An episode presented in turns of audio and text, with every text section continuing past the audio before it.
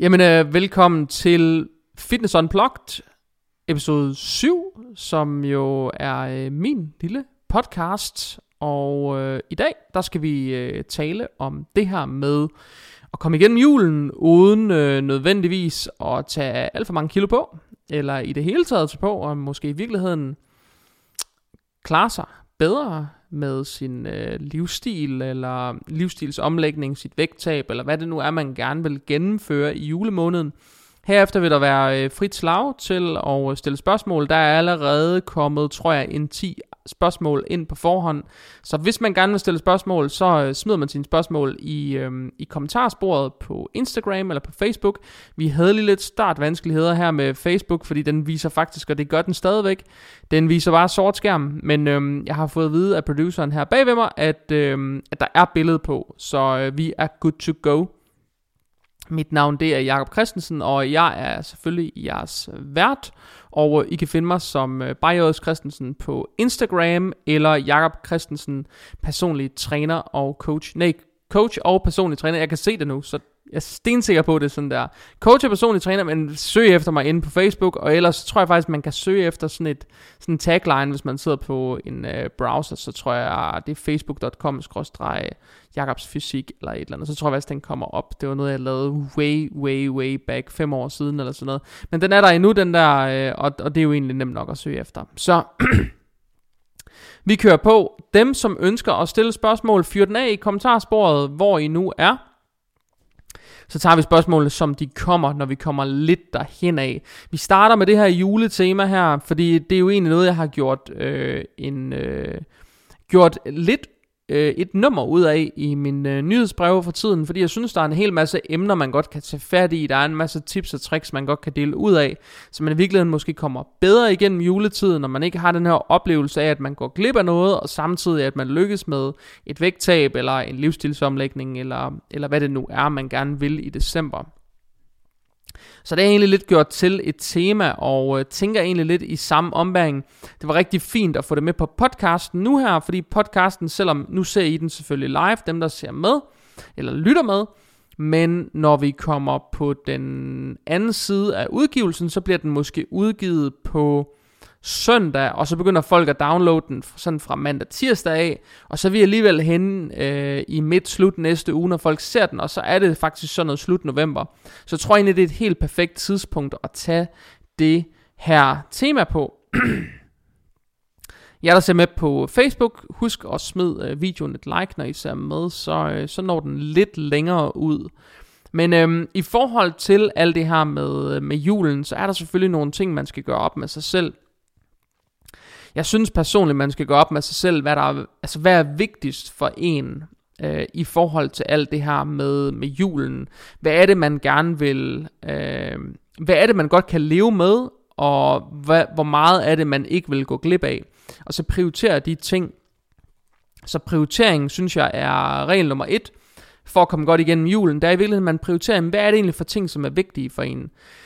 For de fleste er det måske juleaften, og øh, det kunne også være, at de prioriterede nytårsaften som en del af de der særlige arrangementer. Det kunne være, at der var en julefrokost to eller tre, man gerne ville deltage i, og så sagde man, okay, det var vigtigt.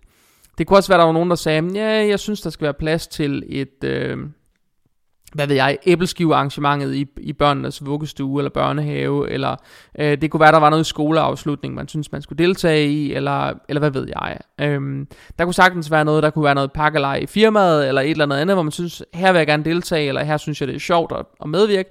Hvordan gør man så det? Og der er mange måder at slippe godt igennem det her på. En af de ting, jeg skrev om i mit øh, nyhedsbrev i, øh, i denne her uge, det var det her med, hvor stor en rolle motionen egentlig spiller i forhold til det her med at, øh, at skabe en buffer, hvis man kan sige det sådan, så en buffer for kalorieforbrændingen. Der kan man hente ekstremt meget på motionsdelen, og øh, noget af det, som jeg virkelig gør et nummer ud af over for folk, det er det her med så at få prioriteret nogle ekstra træninger i julen. Eller måske i virkeligheden bare prioritere sine træninger der, hvor man normalt ville springe dem over. Fordi det er en af de steder, hvor man virkelig kan hente noget, det er det der med mere forbrænding på en uge. Altså den der efterforbrændingsfase, man kan få skabt, jamen kan man holde en efterforbrænding, der ligger 200-300 kalorier højere per døgn, så det er altså rigtig, rigtig mange kalorier hentet for eksempel på en uge. Og det er der, det er altså forskellen på for eksempel at være en, nu siger jeg en voksen mand på et sted mellem 80 og 90 kilo. Forskellen på at træne, styrketræne 3 og 5 gange om ugen, den er måske i gennemsnit dagligt 300 kalorier på efterforbrændingsmønstret. Det er altså rigtig, rigtig mange kalorier, som man ikke tænker over. Så i gennemsnit ligger man måske 300 kalorier højere i energibalance, og det betyder altså, at der så måske er de der 250-300 kalorier mere at give af til æbleskiver og pebernødder og julemad og hvad ved jeg. Og det man skal være opmærksom på, det er selvfølgelig, at alt det man henter de dage ind imellem, at der er arrangementer, man gerne vil deltage i, de, de, de skaber jo stadigvæk et resultat, hvis man kan sige det sådan. Det er jo ikke sådan, at det er resultatfrit, når man bare fordi man har en julefrokost, eller bare fordi man har en eller anden afvielse. Det er der mange, der tror, der er mange, der har sådan en sort-hvid tankegang, hvor de siger, nu har jeg alligevel afvidet i dag, så kan jeg lige så godt bare blive ved med at afvige i dag. Eller nu har jeg spist et stykke kage, så nu kan jeg godt spise tre stykker kage. I stedet for at finde en eller anden form øh, for moderation med det, og en eller anden måde at få det, øh, få det jævnet ud på, eller finde noget balance i det, så vælger man at have sådan en sort-hvid tankegang. Og den synes jeg i virkeligheden, man skal stoppe, fordi den, den, den er enormt destruktiv. Og den betyder i vid udstrækning, at man, at man ikke ligesom kommer i mål med de ting, man gerne vil. Så det synes jeg, man skal lade være med. I stedet så skal man være god til ligesom at, øh, at, at anerkende, at, at det stykke arbejde, man, man laver fra mandag til øh, fredag, det, det er mere end opvejer, altså den afvielse, man måske har til julefrokosten om lørdagen, og så er man tilbage på sporet igen om søndagen eller et eller andet. Man kan gøre rigtig, rigtig mange ting. Noget af det, man også skal være opmærksom på, det er de her julefrokoster. Rigtig ofte, så er julefrokostmad jo reelt set bare kødretter og noget rugbrød. Det er jo tit, hvad det er, og så er der selvfølgelig snaps og øl og alt muligt andet. Men man kan altså godt moderere det der alkoholindtag lidt. Og man kan i særdeleshed også godt være opmærksom på, at når man for eksempel tager til julefrokost, så er det for eksempel ofte et, et madarrangement, hvor man måske spiser, eller sidder ved bordet i 4, 5, 6 timer, og spiser løbende i den tid. Og der skal man jo bare være opmærksom på, hvor mange måltider vil man egentlig normalt have spist i løbet af sådan et tidsvindue. Og for mange mennesker er det relativt normalt at spise, nu siger jeg 5-6 gange om dagen, det er der faktisk ret mange mennesker, der er ret tilpas med. For dem vil det måske erstatte to til op til måske tre måltider. Øhm, og er man vant til at spise ret mange kalorier, så skal der faktisk ret meget til, før at man bare når det, man normalt ville have spist. Og når man så når det niveau, jamen så skal man jo yderligere overstige det ret markant, før det overhovedet har en negativ effekt, især hvis man forsøger at gennemsvinge et vægttab igennem julen. Så min erfaring med det er faktisk, at det, det, det, det, er ikke så, det er ikke så skadende, som man tror. Og derfor så den der sort-hvid tankegang, den bør man nok pakke væk. Og så i stedet for at prøve at moderere det, øh, det madindtag, man har, prioritere de ting, man godt kan lide, og så prioritere det, man virkelig gerne vil have, frem for de ting, som man bare spiser lidt af pligt, eller fordi man synes, åh, men jeg vil også gerne vise verden, at øh, det smager godt, eller hvad ved jeg, så kunne man, der kunne man godt være lidt mere tilbage, og så sige nej tak til nogle af de ting, man måske ikke er så vild med. Og for mit eget vedkommende kunne det godt være, at jeg sagde, jeg gider måske kun én slags sild, så gider jeg sgu ikke mere af det, og øh, måske vil jeg hellere have frikadeller og leverpostej, eller et eller andet andet, eller øh, noget øh, laks, eller hvad ved jeg, end jeg vil have øh, grøn langkål, og alle de der sådan klassiske ting, så, så det er mere måske at få sorteret lidt fra i de ting, som man, øh, som man godt synes, man kan undvære.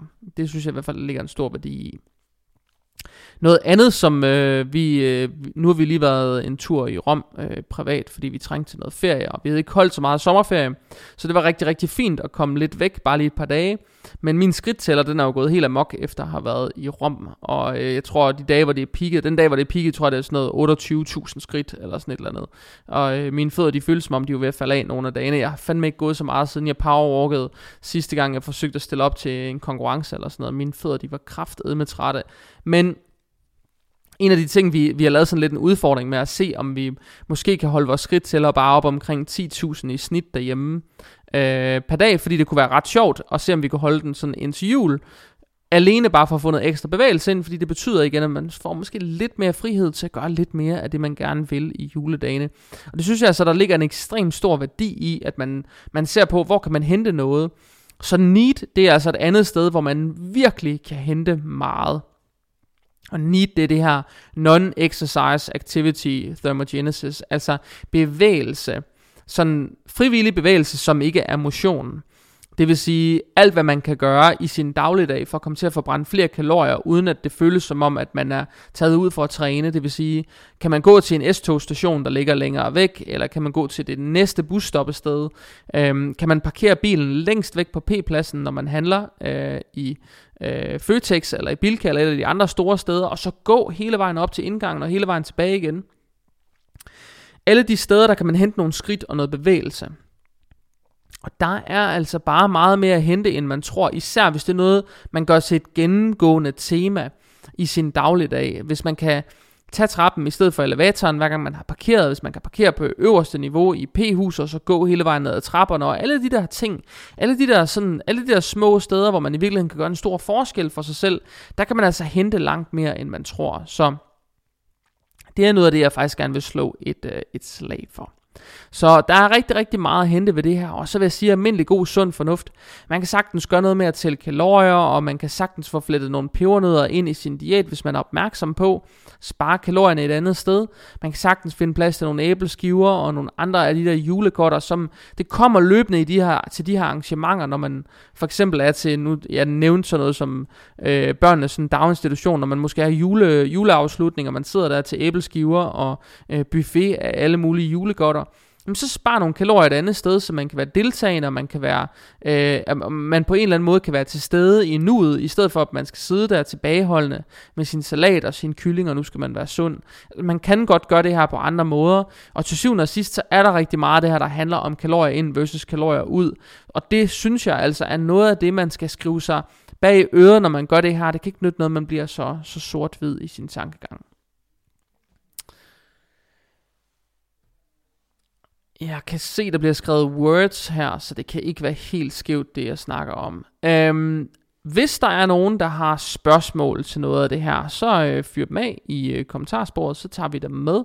Jeg begynder så småt at overgå til til de spørgsmål, som er øh, kommet ind på forhånd, og som jeg snak, startede med at sige, så er der vist en 10 stykker sådan øh, relevante spørgsmål, om ikke andet, som jeg synes, dem skal vi tage med.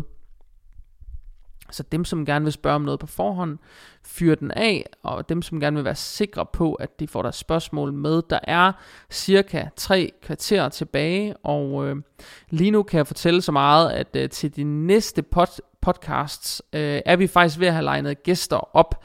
Øh, beklager meget lydkvaliteten i forbindelse med Mikkel Light øh, podcasten, det er jeg virkelig, virkelig ked af, fordi det er nok det er nok det, den bedste podcast, jeg har lavet indtil nu, og det bliver nok en af de bedste, jeg laver nogensinde. Vi havde det virkelig, virkelig sjovt med det.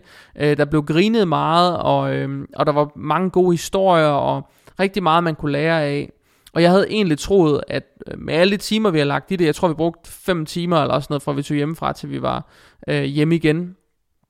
Og min producer, han skulle hele vejen til Esbjerg efterfølgende med det offentlige, så det var virkelig skød, at lyden den røg til det der. Vi var nødt til at trække lyden ud fra et videospor i stedet for. Øhm, men der er legnet gæster op, og blandt andet så øh, får jeg besøg af Anders Nedergaard øh, i december. Så der kommer et december afsnit inden jul om øh, krudt og kugler. Det kommer til at handle om, øh, om doping. Og det bliver pisse sjovt, for jeg synes, det er mega spændende, og det ved jeg, Anders han også synes. Der kommer et, øhm, et afsnit om, hvad hedder det, om naturlig bodybuilding, fordi øh, hvis alt det flasker sig, så får jeg øh, Frederik Ibsen i, øh, i studiet, eller i stuen, eller hvad det nu bliver den dag. Men øh, planen er, at der skal laves et, en øh, episode med Frederik Ibsen, som er verdensmester i naturlig bodybuilding, og så øh, har jeg en anden ting i støbeskeen, også som jeg ikke lige helt har fået bekræftet en dato på, men håber, at det kan lykkes inden jul. I forhold til de her spørgsmål, der er kommet ind, så er der blandt andet Martin, der spørger om noget med insulin. Han spørger, om man skal undgå at spike i gåseøjen. Øhm, spike insulinen for mange gange i løbet af dagen, da det hormon blokerer for fedttab, eller er kalorier ind versus ud meget mere relevant.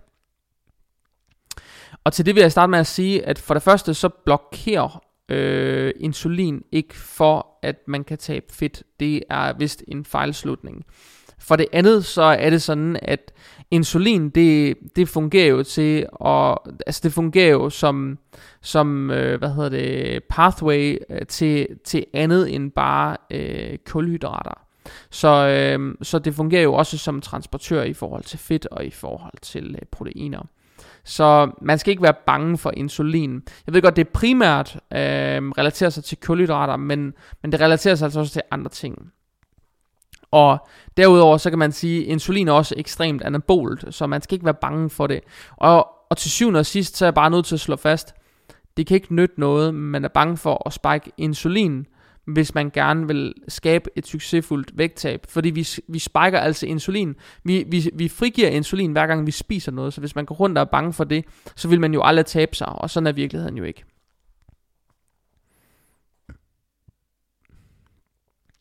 Så er der øh, en, der spørger, han skriver, at jeg kan desværre ikke se med, men vil du ikke give dit syn på deload versus at holde et ekstra pause?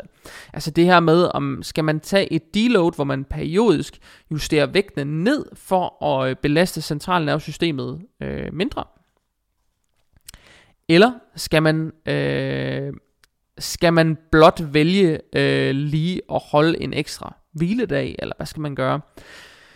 Umiddelbart så vil jeg sige, at min, min oplevelse med det er lidt, at hvis man er god til at jonglere sine hviledage, så kan man altså, øh, så kan man altså gøre rigtig meget, øh, og, og så kan man i, i vid udstrækning i virkeligheden komme uden om meget deload. Deload kan godt give mening i perioder, men et deload behøver for mig at se ikke tage ret meget mere end en uges tid. Når man når sådan et stadie af overtræning, så er det i virkeligheden bare vigtigere, at man sørger for lige at give sin krop lidt space, og så lige bakke en lille smule tilbage. Sørg for, at man bliver frisk og klar til at træne igen, og så kan man klø på. Det er i, i, i min optik, og, og den oplevelse, jeg har haft med, øh, med klienter, har det sjældent været behov for at have lange perioder med deload, men nok nærmere en periode, bare med måske en ekstra hviledag, eller hvor man lige skubber nogle træninger lidt, eller måske tager en uges fri fra træning, eller et eller andet. Øh, det kan gøre mange ting, men et par ekstra hviledage, det, det, det gør ofte en ret stor forskel i det her øje med. Så, øh, og så er man måske tilbage til, på, på sporet og begynder at, øh, at have øh, hvad hedder det, styrkeforbedring igen. Så på den konto synes jeg ikke nødvendigvis, det er et problem. Øhm, og derfor synes jeg også, at deload nogle gange godt kan være overkill. Der vil være nogle perioder, hvor det vil give rigtig, rigtig god mening at have deload, men for de fleste almindelige fitnessmotionister, der synes jeg, det er overkill. Øh, der giver det måske bedre mening at lægge en ekstra hviledag ind, eller måske bare lige have nogle enkelte dage, hvor man lige deloader vægtene for at øh, reloade igen. Men det giver måske ikke mening at have de her 2, 3, 4 ugers øh, øh, periodisk deload hver 6. og 8. uge, fordi man, man når næsten aldrig at stimulere noget hypertrofi, før man så skal man deloade igen. Så så er der en øh, sund med nat skriver CrossFit som muskelopbygning. Go eller no go? Min mening. Øhm, som udgangspunkt, så vil jeg sige, at der er ret mange temmelig buff crossfitter. Øh, man skal ikke se mange øh, crossfit øh, videoer eller crossfit dokumentarer, før man finder ud af, at der er fucking mange af de der crossfitter, der ser sindssygt badass ud. Så det giver tydeligvis nogle buler at dyrke crossfit.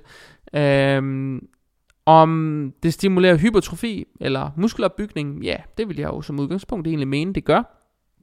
Hvis man løfter tunge ting og sætter dem ned igen, og gør det gentagende gange, jamen så vil man jo stimulere en eller anden grad noget hypertrofi. Og, øhm, og der kan man sige, jamen, ser man på crossfitter, så er de relativt muskuløse. Ser man på almindelige gymnaster, for eksempel, som egentlig oftest bare laver ting med kropsvægt, så er der faktisk også tit nogle af dem, som, som udvikler sindssyg muskelmasse, til trods for, at de egentlig ikke træner med særlig tunge vægte.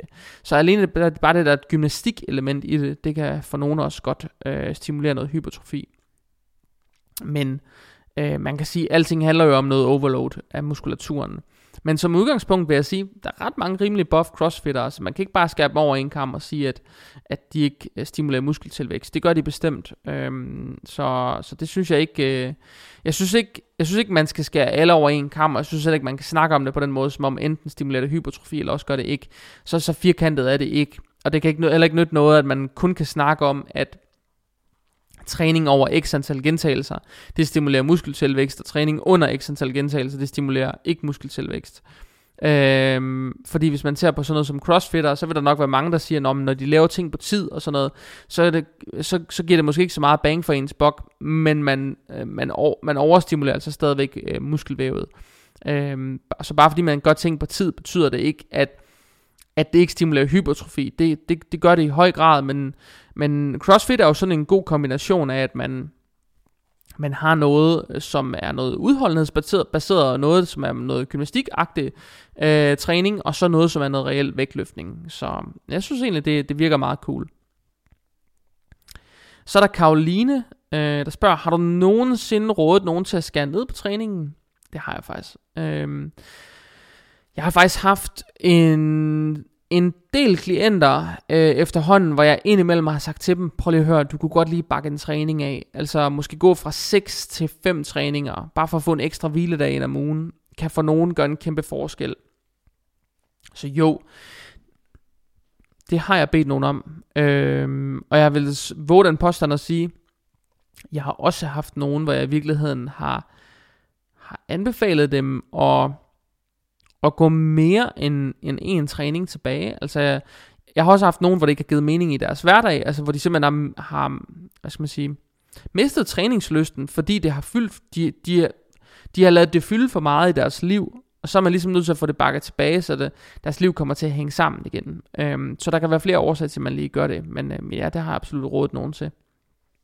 Jeg vil sige, hver gang jeg har den første indledende konsultation med folk, så er jeg meget sådan, jamen, i stedet for at jeg fortæller dem, hvor meget de skal træne, for at de opnår et eller andet mål, så har jeg oftere en tendens til at, øh, at spørge dem, hvad er realistisk i din hverdag, altså hvad kan du selv, øh, hvad kan du selv øh, øh, hvad hedder det, lykkes med på, øh, på ugenlig basis, hvad er realistisk, du lykkes med ikke bare en uge, men konsistent de næste mange uger, øh, fordi det, det danner oftest øh, grundlag for et, et bedre resultat på sigt i hvert fald, så, øh, så det er lidt sådan min tilgang til det.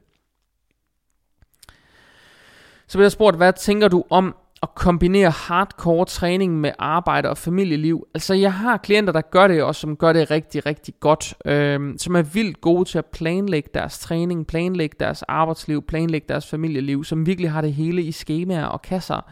Øh, og som bare gør det fucking godt. Altså hvor man bare må tage hatten af for, at de bare lykkes hver evig eneste uge, og det er simpelthen fordi, de, de har det her planlægningsgen. Så, så øhm, det er absolut ikke at, så skidt, at det er godt for noget. Man kan godt opnå rigtig mange ting, hvis man vil. Og jeg vil våge den påstand at sige, oftere, oftere opnår man mere, når man har lidt for travlt, når man har lidt for mange ting at se til, end når man har lidt for lidt at se til. Så rigtig mange mennesker, de bliver faktisk mere effektive af at have mere travlt, og det betyder måske i virkeligheden, de får, de får opnået mere af det, de gerne vil, og dermed måske også får trænet øh, mere, eller bare trænet øh, mere intens, når de træner, eller måske går op mere op i træningen, når de er afsted. Så det kan måske i virkeligheden for nogen virke motiverende at have mange ting om, øh, om ørerne. Øh, så bliver der spurgt, har du nogen traumer eller dårlige minder fra din tid som atlet?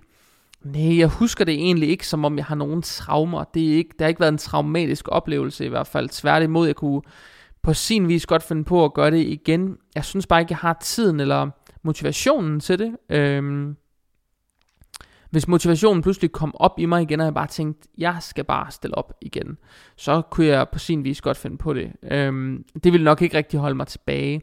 Og jeg tror ikke rigtigt, der ville være noget, der holdt mig tilbage. Hvis jeg pludselig havde den motivation, så ville jeg gøre det. Øhm, og, ikke andet, og om ikke andet, fordi at jeg gør ting for min egen skyld. Så hvis jeg skal gøre noget, så skal det være, fordi det er noget, jeg, jeg selv kan få noget ud af. Og noget jeg selv har en eller anden form for gevinst ved, eller noget der bare motiverer mig helt vildt, så, så gider jeg godt at gøre det, og så gider jeg godt at arbejde meget med det, og jeg gider godt at gøre det intenst.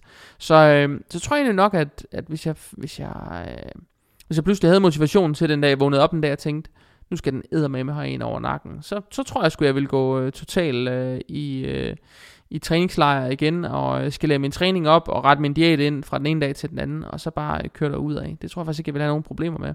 Så nej, ikke rigtig nogen traumer eller dårlige minder fra, øh, fra det der med atlettiden, i hvert fald ikke med sådan selve konkurrenceelementet, så har det været altså nogle, nogle mennesker, som bare har været nogle røvhuller eller et eller andet, men de er jo alle steder, så, så sådan er det.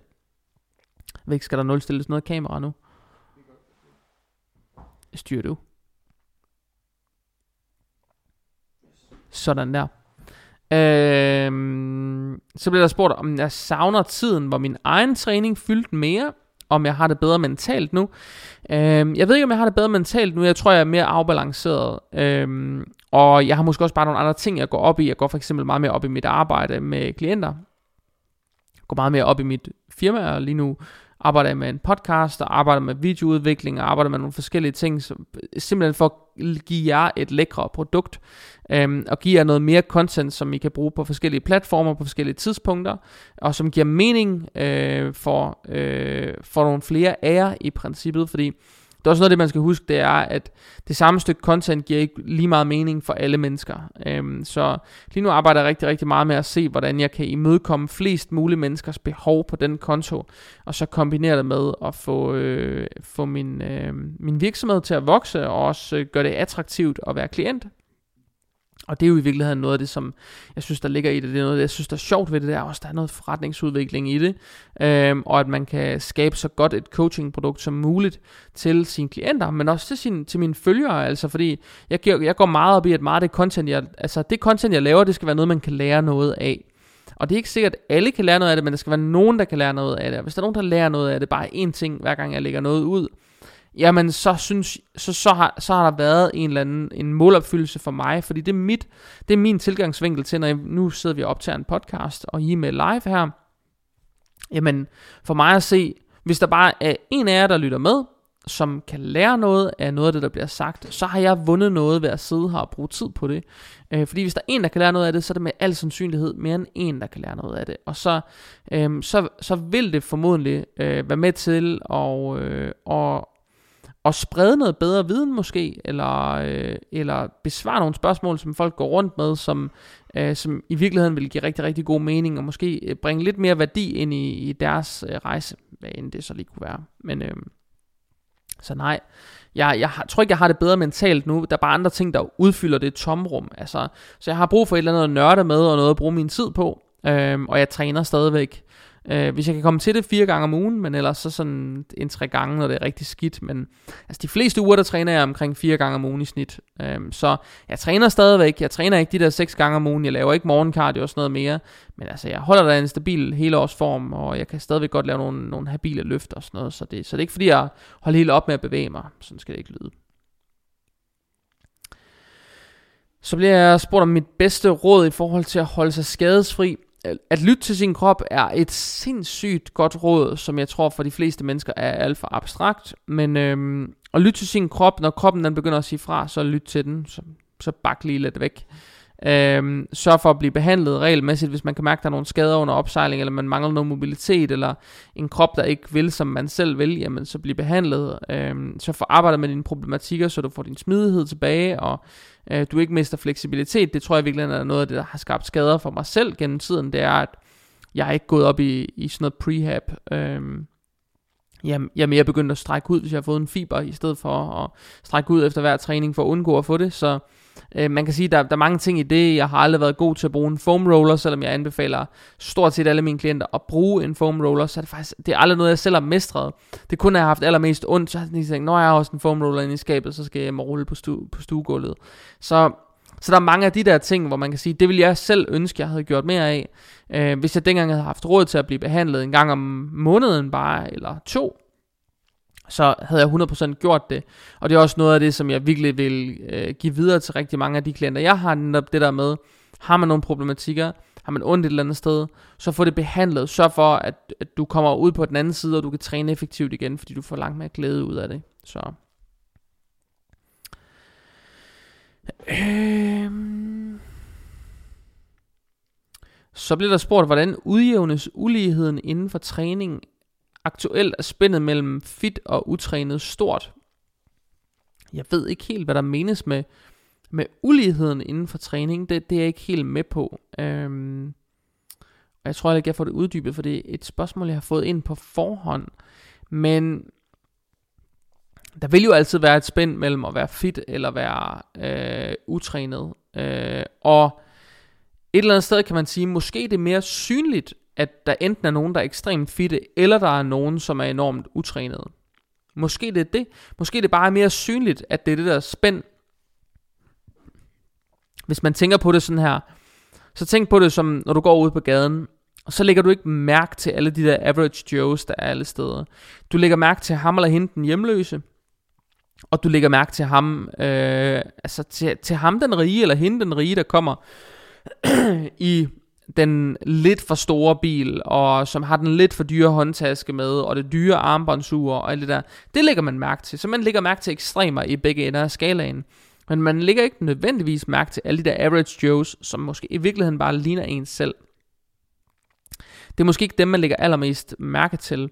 Så måske det i virkeligheden ikke er et for stort opspænd, eller for, et for stort opspænd, et for stort spænd mellem det, man, dem, man ser som værende fitte, og dem, man ser som værende utrænet. Men måske det i virkeligheden bare handler mere om, at man enten ser den ene eller den anden ekstrem, fordi det skiller sig ud. Det kunne meget vel være det, øhm, og det, det vil jeg faktisk være tilbøjelig til at sige, at det er nok svaret. Fordi der er nok, der er nok suverænt flest, der ligger lige ind midt imellem, altså nogen, som bare average Joes, nogen som bare træner for at holde sig selv i gang og få motioneret lidt, men som ikke nødvendigvis altså, ligner en fitnessatlet. Det behøver man jo ikke for at, være, øh, for at træne, eller for at være dygtig til at træne, eller for at have det sjovt med at træne, eller være i god form, så behøver man jo ikke ligne en atlet. Så jeg tror i virkeligheden mere, det er svaret på spørgsmålet. Øhm. Øh, så er der et spørgsmål fra Karoline om, hvordan man ændrer sit mindset fra træningsfreak til almindelig person med interesse for træning. Jamen, det tror jeg egentlig ikke, man gør. Øh, jeg tror egentlig altid, hvis man elsker at træne, så vil man altid have den... Øh, så vil, man, så, vil man, så vil man altid have den kærlighed til at træne, og det tror jeg ikke, det ændrer sig. Øh, ligesom hvis man elsker et eller andet andet, elsker mad, eller elsker, øh, hvad ved jeg, I don't know, mode, eller jeg ved sgu ikke, musik eller sådan noget, så den, det vil ikke forsvinde, bare fordi, at der er noget andet, der kommer til at fylde i ens liv, eller fordi man begynder at gøre noget andet.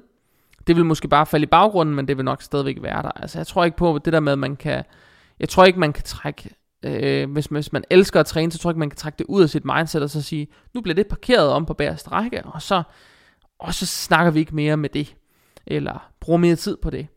Det tror jeg ikke. Øh, jeg tror, øh, nærmere det er et spørgsmål, om man siger, okay, nu skubber jeg noget andet i forreste række, men lige så snart jeg har muligheden for det, jamen så vil jeg gerne finde træningsfreaken frem, og så gå ned og give den gas. Øh, det tror jeg virkelig, der er større sandsynlighed for.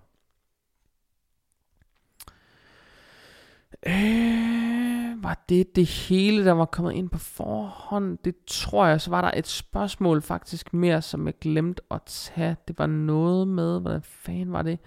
Glemte jeg at sende det til mig selv. Det var noget med... Nå, jeg kan i hvert fald huske, hvad der blev spurgt om. Der blev spurgt om noget med øhm, noget kreatin. Der var en, der havde kastet voldsomt op af, og han var blevet dårlig af det. Øhm, det var noget af det her mutant, øh, hedder det Crea Pure, eller hvad hedder det? Og han spurgte, om der var et eller andet i det, som man kunne kaste op af. Mig bekendt er det bare en kombination af, af det tre forskellige slags kreatin. Hvis man oplever øh, at få sure opstød af et eller andet kosttilskud, eller man oplever at blive dårligere at tage et eller andet kosttilskud, så synes jeg absolut ikke, man skal blive ved med at tage det, så synes jeg, man skal tage noget andet. Og hvis det er for at tage kreatin, og man for eksempel ikke får øh, ondt i maven, eller kaster op af at tage kreatin, monohydrat, altså den klassiske, det hvide pulver med de små skeer, der man næsten ikke kan finde nede i bøtterne, hvis man ikke øh, bliver dårlig af det, jamen så tag dig det i stedet for. Det bliver ikke bedre af, at du får noget, der er mikroniseret, eller øh, hvad ved jeg. Det bliver det ikke bedre af. Det kan godt være, det ender lidt på optagelseshastighed, eller hvad ved jeg. Men, men det skal jo læres ud i cellerne alligevel, så det, det tror jeg ikke, jeg vil give gå op i.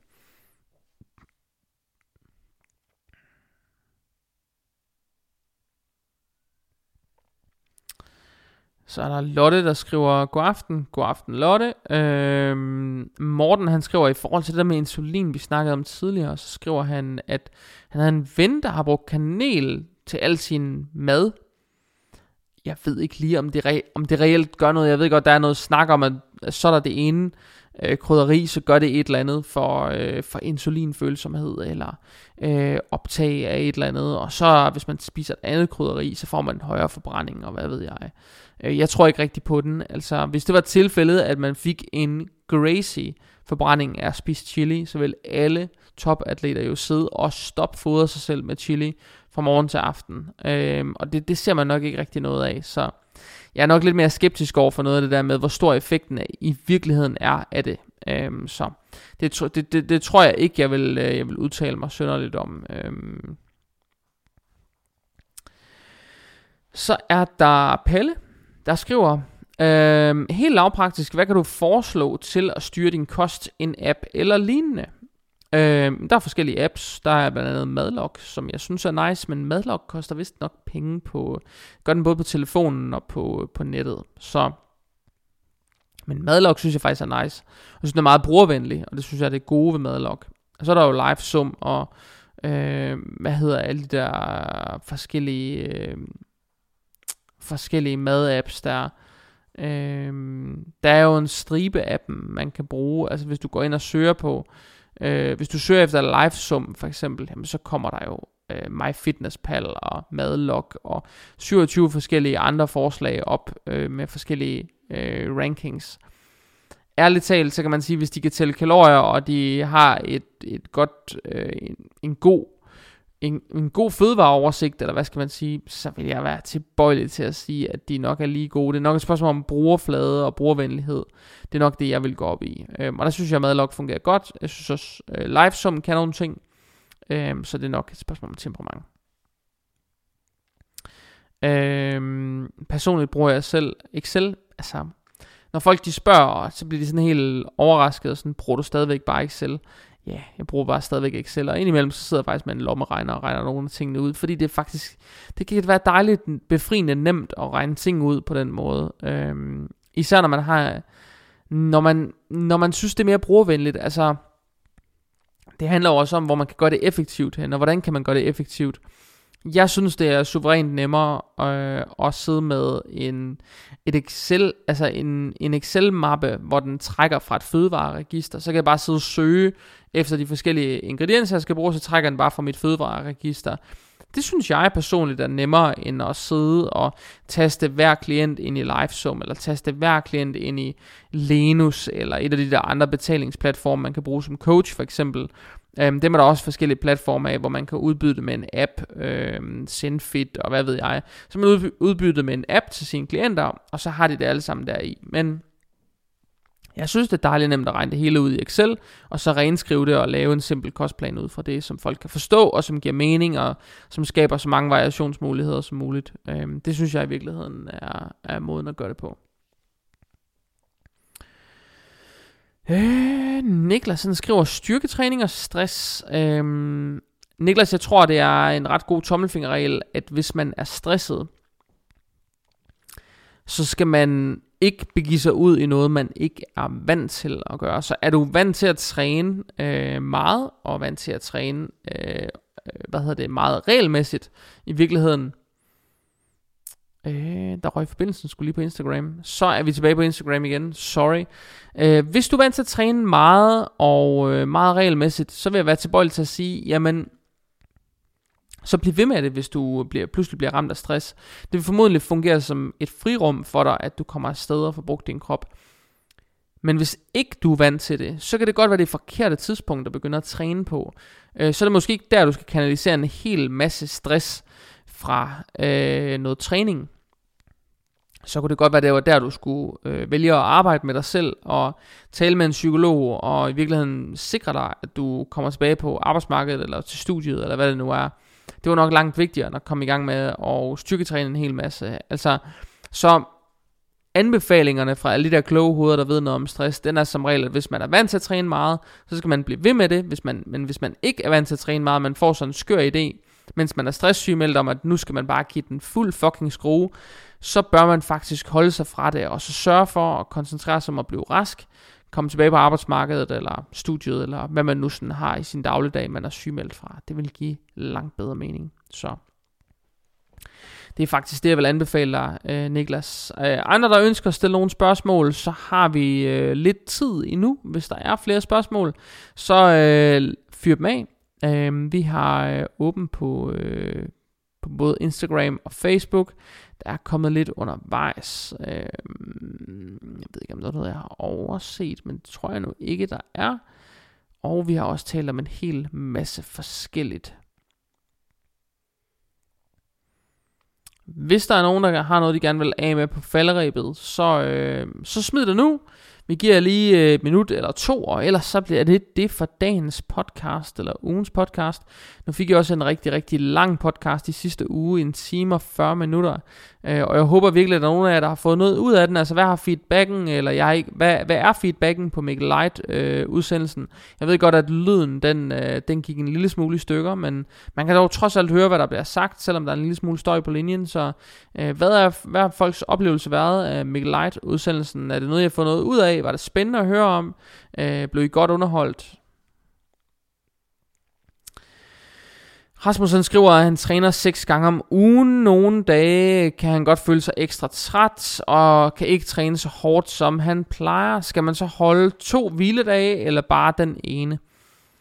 Jamen, som udgangspunkt vil jeg sige, hvis man pludselig øh, fra den ene dag til den anden i, i centret mister øh, styrke ret markant, så tror jeg, man skal være opmærksom på at lægge en hviledag ind. Det er nok i virkeligheden den dag, man skal holde en hviledag. Det kunne godt være et tegn på, at der er noget overload på CNS-systemet, eller hvad ved jeg, så man i virkeligheden lige skal bakke lidt tilbage, og så kommer styrken igen. Men det kunne også samtidig være et udtryk for, at man havde noget andet, der fyldte. Altså, man kunne godt være blevet øh, en lille smule stresset, eller en lille smule påvirket af et eller andet, der var sket i en dagligdag, øh, som betød, at man ikke performede lige så godt, at man simpelthen ikke mentalt havde sig selv med, når man kom ind til træning. Øh, det kunne være et eller andet skænderi, man havde haft lige inden man kom, eller hvad ved jeg, øh, man var blevet fyret på jobbet eller et eller andet. Man kunne sagtens have en anden sindstilstand, der gjorde, at man ikke performede lige så godt, som, som man normalt gjorde. Men men hvis det er tilfælde, du bare oplever et kæmpe styrkefald fra den ene dag til den anden, så vil jeg tage en hviledag, i stedet for bare at blive ved med at mose på med træning, fordi så er det altså så er det din krop, der siger fra. Så. Andre, der gerne vil nå at spørge om noget på falderæbet, så kan vi godt lige nå at tage et spørgsmål mere, men ellers så er det det for, øh, for denne her gang. Jeg vil meget, meget gerne have noget, øh, noget feedback fra jer i forhold til det her med, øh, med Mikkel Light, udsendelsen og generelt med, med den her podcast? Er det noget, I får noget ud af? Øh, er det noget, I, øh, I lærer noget af? Og øh, hvem kunne I godt tænke jer, at øh, jeg hiver med som gæst? Så skal jeg nok forsøge at, øh, at få det arrangeret.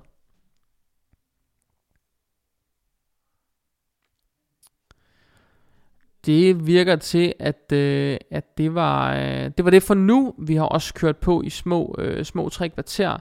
Øh, jeg tror egentlig ikke, jeg vil sige ret meget mere, end at øh, jeg har åbnet for min øh, 24 ugers forløb. Det plejer at være nogle forløb, jeg skyder af relativt hurtigt. Øh, der er opstart et sted mellem uge 1 og uge 4. Der er en rabat på næsten 4.000, jeg tror det er 3750 kroner, så der er kun de 10 pladser.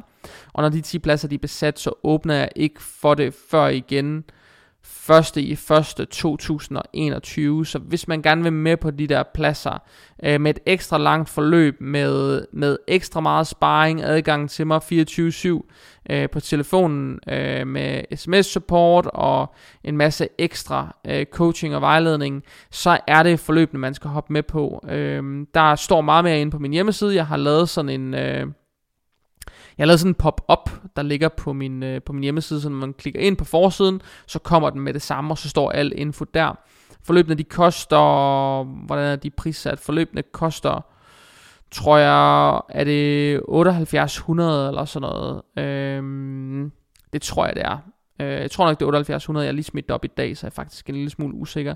Men jeg mener, det er 7800. Øh, det er det. Så 7800, og så vil der være et depositum, man skal betale på 2000, og så kommer resten, øh, de resterende 5800, dem betaler man så ved opstart, eller også så øh, kan man splitte betalingen i to.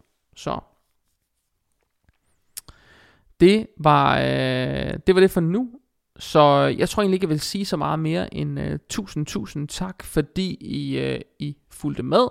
Uh, tak fordi I lytter med, og uh, tak for al den opbakning, der er omkring det her podcast. Det er virkelig, virkelig positivt at læse alle de uh, søde beskeder, der kommer en gang imellem, og folk, der bare er virkelig vilde med den her podcast, og de downloader den og hører den, når de er på farten, eller når de laver cardio, eller på vej på arbejde, eller hvad ved jeg. Det er virkelig, virkelig fedt, at folk de bruger det, så øh, indtil vi ses igen næste gang, det bliver, hvis alt flasker sig, så bliver det et, øh, et afsnit med Frederik Ibsen. Jeg skal nok smide sådan en mulighed for at stille spørgsmål til ham øh, op, inden vi optager, så man har mulighed for at få øh, lidt af sine spørgsmål med, hvis der er noget. Det var alt for nu. Tusind, tusind tak for, øh, for i dag, og så ses vi igen øh, næste uge. Kan I alle sammen øh, have det rigtig godt. Vi ses.